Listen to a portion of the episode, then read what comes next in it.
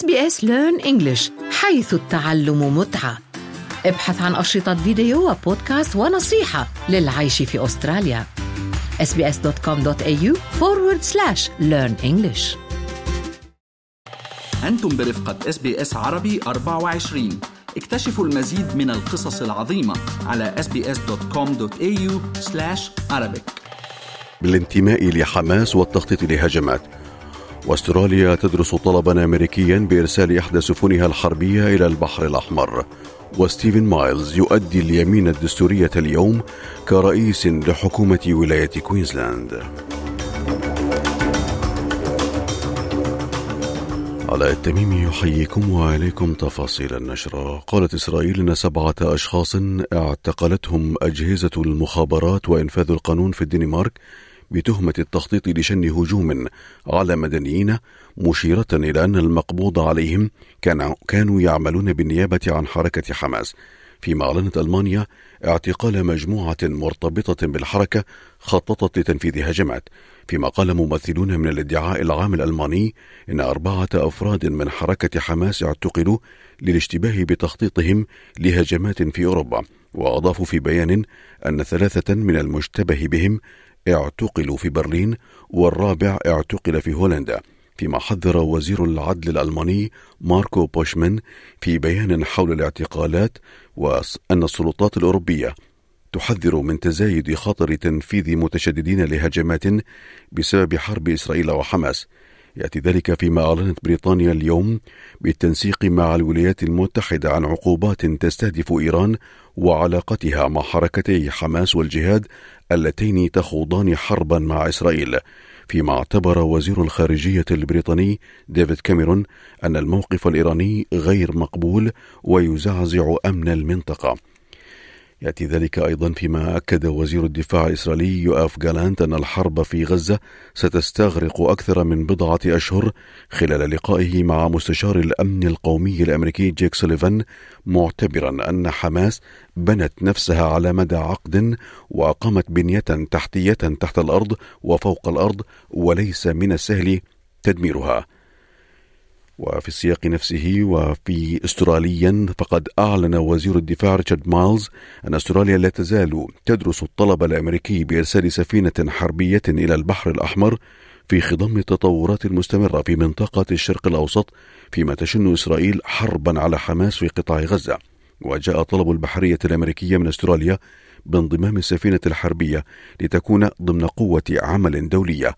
عقب الهجمات المتزايدة على السفن من ميليشيات مدعومة من إيران تحاول تعطيل الإمدادات وقال وزير الدفاع إن أستراليا تنظر في الطلب الأمريكي لكننا نفضل أن ينصب تركيزنا البحري في نطاقنا المباشر Australia has been uh, part of the combined maritime force for a long time. We've got uh, personnel who are embedded there right now, and in the past we have had uh, Navy vessels be deployed to that region. We'll consider this request in due course, but I would note that the focus of our naval efforts right now are on our immediate region. هذا وقد أعلن الجيش الإسرائيلي مساء أمس أن ضابطا يتولى قيادة كتيبة في لواء جولاني أصيب خلال انفجار وقع في قطاع غزة وقال الجيش الإسرائيلي أن قائد قاعدة التدريب أصيب بجروح متوسطة جنوبي قطاع غزة في وقت سابق من يوم أمس فيما أصيب أيضا خمسة جنود بجروح وصفت بالخطرة هذا وقد انسحبت القوات الإسرائيلية من مخيم جنين بعد عملية عسكرية استمرت لثلاثة أيام.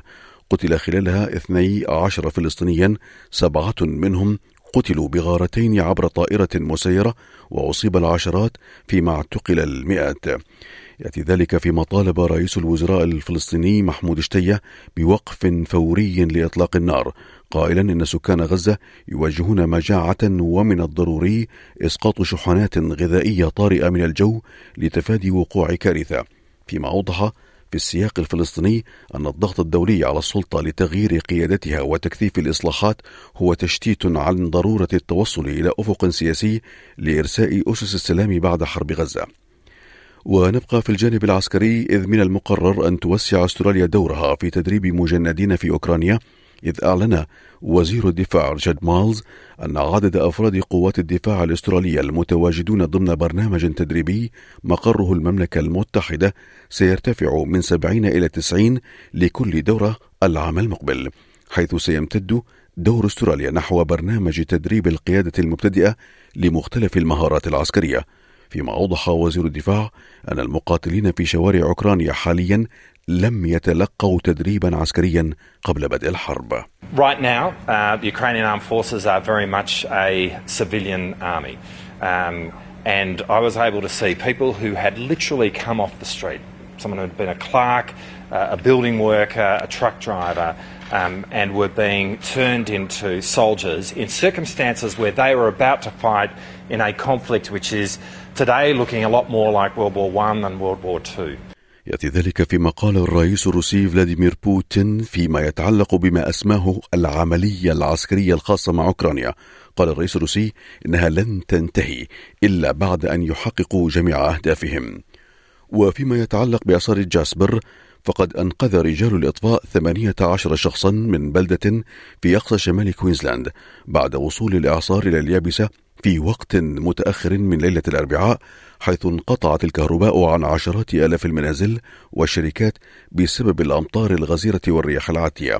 ورغم أن الإعصار بدأ يخف تدريجيا إلا أن السلطات تحذر أنه لم ينتهي بعد. فيما طالب مساعد مفوض خدمات الإطفاء والطوارئ في الولاية براد كومينز طالب مواطني الولاية بأخذ الحيطة والحذر. Overnight, the cyclone did cross the coast. That does not mean that this incident is over. We are going to have considerable amount of rain. Um, there will be there'll be considerable um, high intensity rain, possibly high winds for some time to come. We've currently got um, our damage assessment teams out in the field, and since six o'clock this morning, we've conducted 236 damage assessments.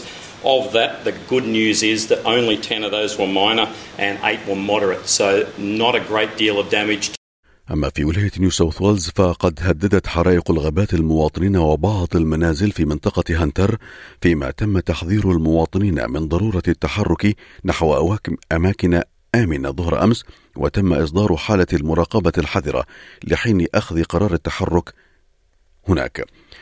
في ولاية كوينزلاند سيؤدي اليوم ستيفن مايلز اليمين ليكون رئيس حكومة ولاية كوينزلاند الأربعين وذلك إثر استقالة رئيسة حكومة الولاية السابقة أنستيشيا بالاشي يوم الأحد الماضي والتي أيدت ترشيح مايلز هذا وقد فاز مايلز بالمنصب بعد منافسة من وزيرة الصحة في الولاية شانون فينتمان.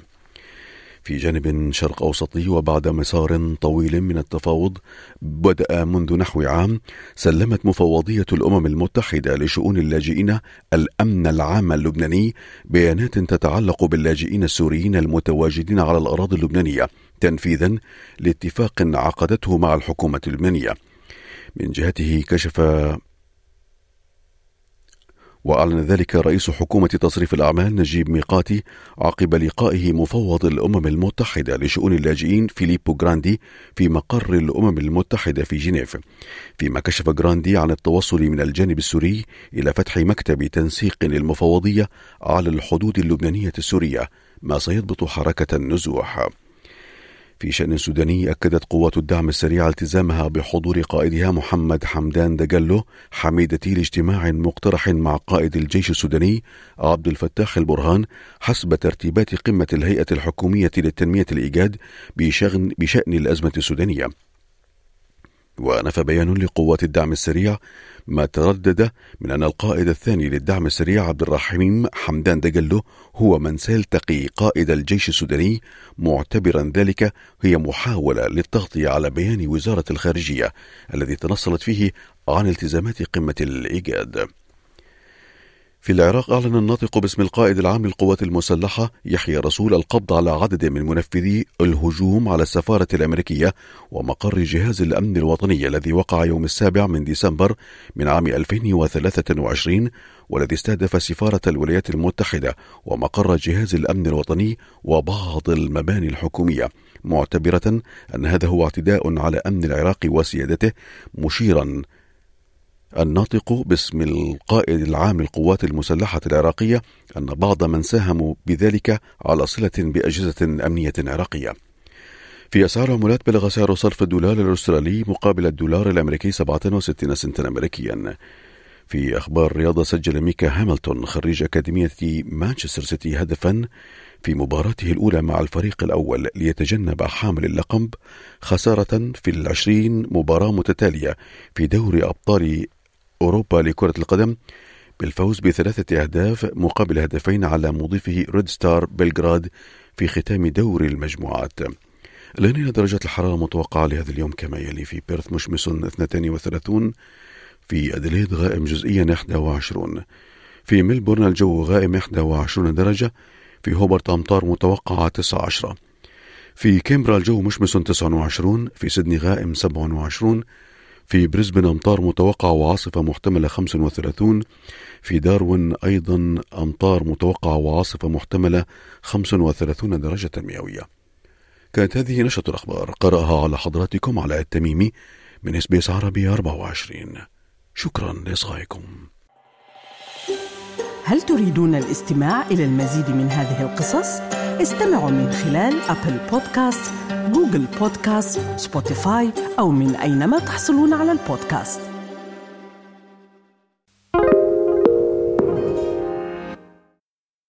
استمعوا الآن إلى الموسم الثاني من بودكاست أستراليا بالعربي. أحدث إصدارات SBS عربي 24 يأخذكم في رحلة استقرار بعض المهاجرين العرب ويشارككم بأبرز الصدمات الثقافية التي تواجههم عند وصولهم إلى أستراليا.